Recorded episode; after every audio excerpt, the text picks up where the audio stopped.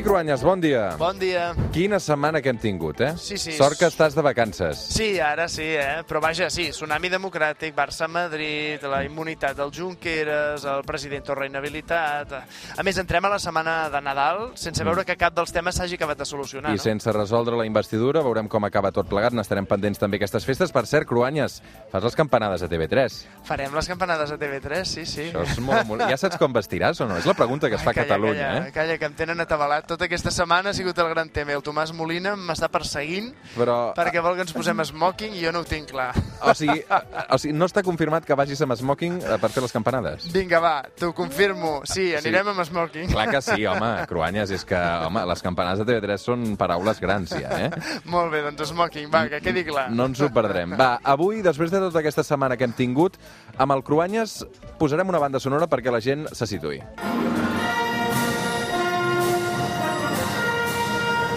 Ara hauríem de dir allò en una galàxia molt llunyana. és la pel·lícula que segur que anirem a veure tots per Nadal, almenys jo, vaja. Sí, jo encara no ho he fet, tu tampoc, eh? No, no, encara no. Per tant, no hi haurà spoilers. Uh, no parlarem de l'argument de la nova pel·lícula ni dels personatges, no? No, no, no, tothom ja n'ha parlat aquests dies, així que intentarem, com sempre, trobar la nostra perspectiva pròpia de Star Wars. Explicarem els referents històrics que alimenten aquesta fantasia, aquest món creat per George Lucas ara ja fa molts anys, als anys 70. De fet, la trama de tota la saga és molt futurista. Uh, no sé si vols dir que trobarem algun element del passat que aquesta galàxia tan llunyana també ens pugui vincular amb una altra història que és l'espai que fas tu, Toni. Sí, perquè a veure, això és una galàxia molt, molt llunyana, però la història rep influències d'un planeta molt, molt proper. Mira, et demostraré com a la Guerra de les Galàxies hi ha elements de l'Alemanya nazi, de la Roma imperial i de l'Amèrica dels anys de la Guerra Freda. Per on vols que comenci, mestre Yoda? Doncs a veure, arrenca on tu vulguis perquè estic perdut, Toni. Doncs cap a Roma, anem-hi. Veure, m'estàs dient que l'exèrcit romà és inspiració per l'exèrcit de l'imperi de la Guerra de les Galàxies? Sí, el pas de la República a l'imperi, que la veiem en els tres primers episodis de Star Wars, és calcat al cas de Roma. La República Galàctica no té un exèrcit com a tal, però sí té un cos d'elit, els monjos guerrers, que són lleials només a la República.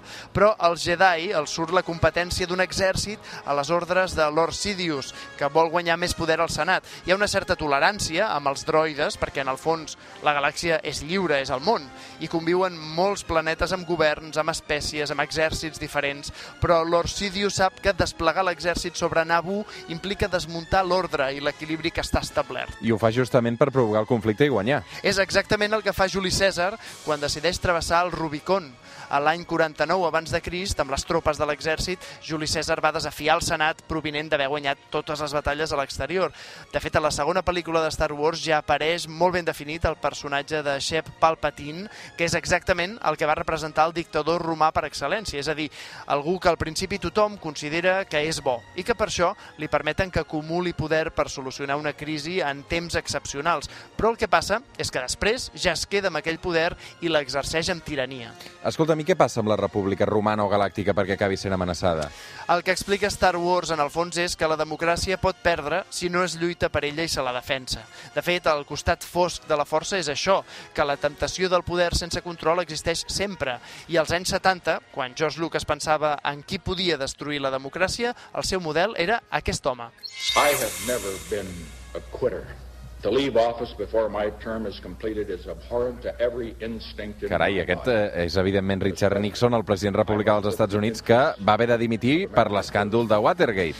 Richard Nixon era, per als americans progressistes en la seva època, l'encarnació de l'home pervers. La trilogia original de George Lucas està ple de referències a la guerra de Vietnam, a la guerra freda, a les armes atòmiques.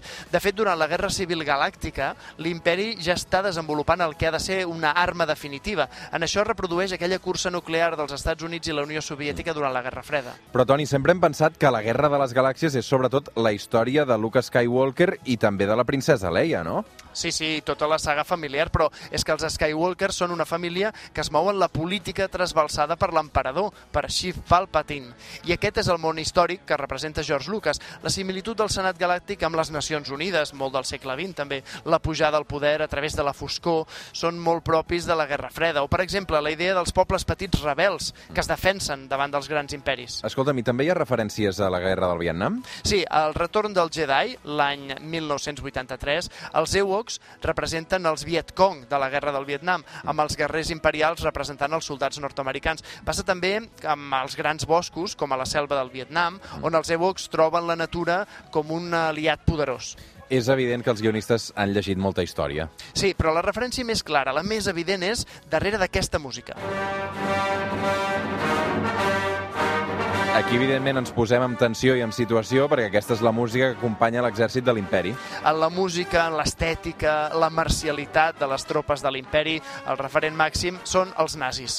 I l'emperador s'identifica amb Hitler, fins i tot sempre apareixen de forma deshumanitzada. L'expressió màxima és la figura de l'Stormtrooper. Les Stormtroopers són aquests soldats imperials, els que coneixem tots, la guàrdia de l'emperador, segurament el personatge anònim més conegut, amb l'armadura blanca, el casc, que no permet humanitzar-los en cap cas cas. I aquest és un discurs real de Hitler i ara el comparem, per exemple, amb això que deia el Toni, amb el discurs de Palpatine.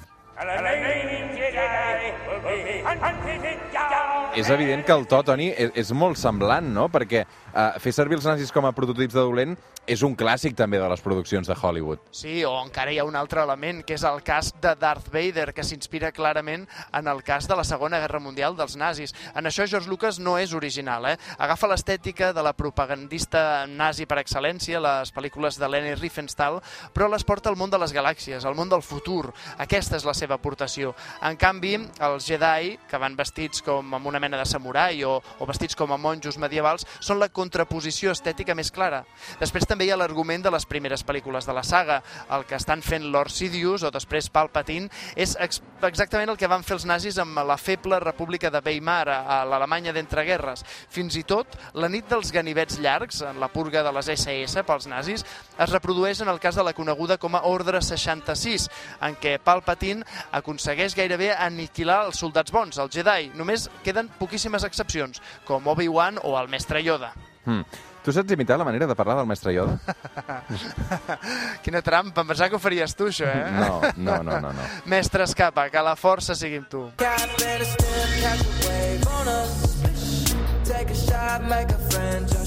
Ens hem deixat molts capítols, eh, Cruanyes, perquè no hem parlat ni de la princesa Leia pràcticament, ni de Han Solo, ni tampoc de Chihuahua. No, no, Chihuahua és el personatge mític, eh? però ho deixem per un altre dia. Per cert que aquestes analogies històriques, les hem explicat avui, són d'un llibre publicat pel mateix George Lucas. Vull dir que les referències a romans i nazis no són cosa meva, eh? sinó que les ha reconegut els mateixos autors de la saga. Avui arribarem a les 9 del matí amb aquesta cançó d'un cantant nord-americà que es diu Miguel i que porta per títol Skywalker. Toni, que tinguis unes grans festes, que vagi molt bé la nit de cap d'any. Igualment, bon I Nadal i bona entrada d'any. el cap de setmana que ve amb el Joan Bota també l'antena del suplement, com sempre. Una abraçada, Toni. Una abraçada.